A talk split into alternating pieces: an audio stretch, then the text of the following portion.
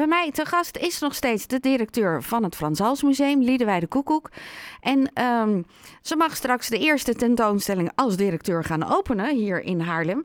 En dat heeft alles te maken met een vrouw uit Brazilië. Nou stond ze al op de lijst, maar ehm, van alles wat je ging doen, dat heeft natuurlijk een beetje te maken met dat je voorganger al uh, de nodige tentoonstellingen in werking heeft gezet. Maar de kunstenares Annabelle Kijker, was dat een belletje waarvan je dacht, oh, dat, uh, dat gaat wel ergens rinkelen. Ik, ik snap het. Of is zij voor jou ook een nieuwe kunstenares? Ik kende haar van naam, maar ik kende haar werk niet goed. Dus voor mij is het zeker ook een, een ontdekking. En dit is inderdaad een van de projecten die Anne de Meester, vorige directeur van het Van Hals Museum, nog in gang heeft gezet een tentoonstelling die ehm, uit Brazilië komt. Hij was eerder te zien in het grote kunstmuseum in Sao Paulo. En daarna in Gent. Ehm, en komt nu dus bij ons. En wordt uh, bij ons samengesteld door onze conservator hedendaagse kunst Melanie Buhler.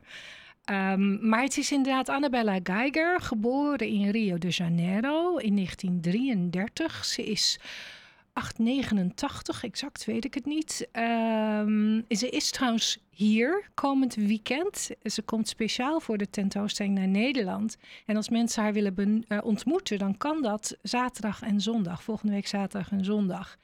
Maar zij is uh, in Europa minder bekend, maar wel uh, een van de beroemdste kunstenaars van Brazilië. En heeft heel veel invloed gehad op de kunst in die tijd als je zo lang al betrokken bent met het maken van kunst, dan kan ik me voorstellen dat ze ook dat het werk um, in zo'n overzicht en zo'n stelling ook laat zien dat ze ander werk is gaan maken. Dat er kan je daar iets over vertellen? Nou, haar werk reflecteert heel erg de omstandigheden waaronder zij leefde in Brazilië.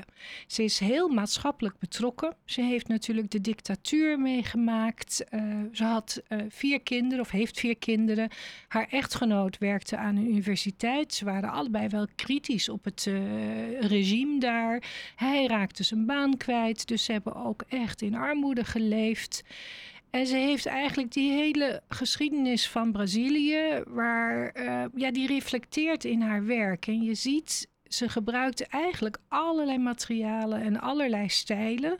In periodes dat, dat ze weinig materiaal had als kunstenaar, gebruikte ze gewoon aanzichtkaarten of leerboekjes van haar kinderen, schoolboekjes. En die maakte ze tot kunst.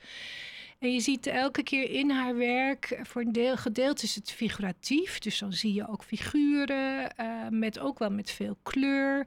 Maar ze maakte ook etsen en aquatint. Ze werkte zelfs op textiel. Haar stijl is een beetje moeilijk te omschrijven. Het is een beetje van alles wat. En omdat ze zoveel decennia heeft gewerkt, zie je ook een beetje de kunst voorbij trekken van de afgelopen 60 uh, jaar. En dat maakt het heel bijzonder om te zien. En ik denk ook wel herkenbaar voor veel mensen. En ook nog um, dat, je, dat ze bij leven al erkend wordt als kunstenaar. Ja, zeker, zeker. Onder de, de dictatuur in Brazilië ja, kon ze natuurlijk niet zo heel veel. Daar werd sowieso alle moderne kunst onderdrukt. Uh, maar binnen de kunstenaarswereld en ook uh, wereldwijd uh, is ze altijd erkend geweest. En eigenlijk sinds het einde van de dictatuur daar is ze ook heel geliefd bij de Braziliaanse bevolking. En wat bijzonder is, haar werk is niet in een Europese collectie te vinden, behalve het Centre Pompidou. Maar ook in het Museum of Modern Art in New York. Dus de grote musea zien het belang van haar werken. En wij zijn er heel trots op dat we de tentoonstelling hier, haar werk hier kunnen tonen.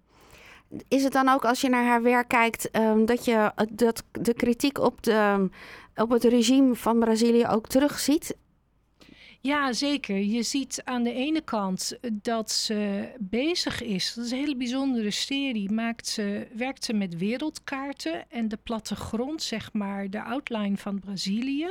En elke keer plaatst ze Brazilië in de wereld, maar geeft ze ook aan dat Brazilië ook tijdenlang heel erg geïsoleerd is geweest. Het is heel bijzonder werk.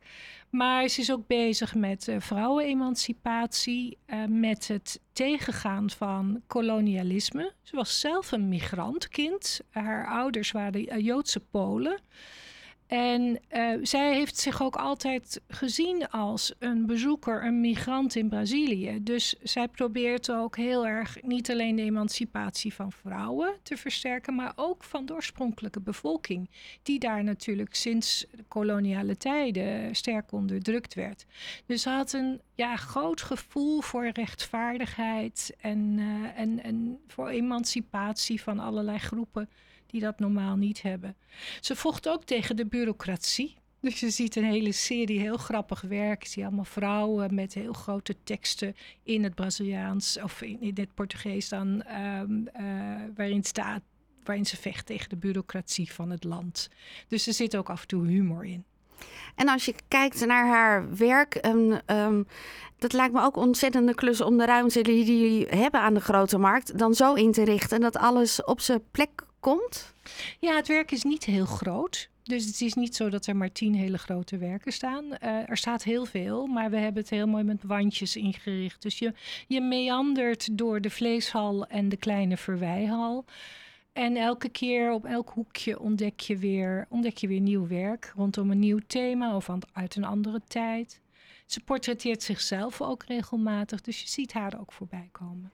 En als je kijkt, als we daar, um, omdat we haar werk niet kennen, en um, wat voor informatie uh, verstrek je dan bij de schilderijen en bij het werk, dat je het een beetje goed kunt begrijpen wat ze bedoelt? Nou, dat is natuurlijk heel belangrijk. Uh, het gaat niet alleen, uh, je kunt geen werk van een on, relatief onbekende kunstenaar neerzetten zonder uit te leggen.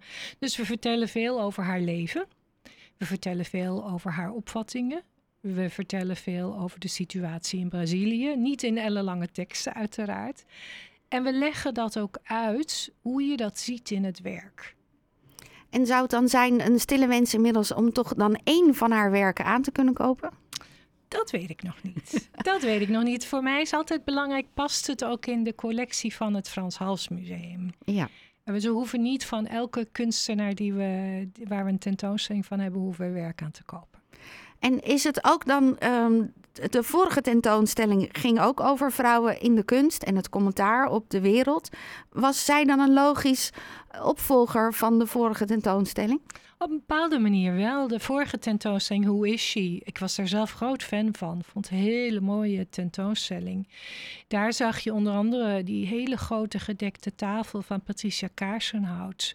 Die um, eigenlijk de, de vrouwen aan tafel zet, maar dan niet alleen vrouwen, maar vrouwen uit allerlei culturen die in de geschiedenis een beetje vergeten zijn.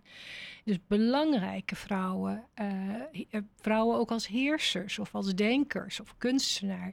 En in dat opzicht is Annabella Geiger een mooi vervolg, omdat we uh, eigenlijk een, een overzicht van haar hele leven en werk tonen van een kunstenaar die ja, in ieder geval in Europa weinig bekendheid geniet. En dat kan deels, zou kunnen komen in het verleden doordat ze vrouw was.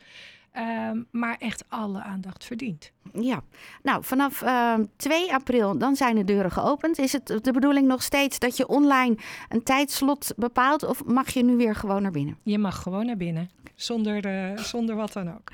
Als we dan op de grote markt zijn en we denken we hebben even behoefte aan uh, cultuur, dan uh, zijn de deuren weer geopend. Dankjewel. Fijn dat je naar de studio kon komen, Liedewij. Ik wens je nog een hele fijne zondag. En heel veel plezier uh, bij de tentoonstelling die dan uh, eh, 2 april ook voor ons allemaal weer uh, te zien is. En dan spreken we je graag in de toekomst natuurlijk over de nieuwe ontwikkelingen bij jullie in het museum. Heel graag.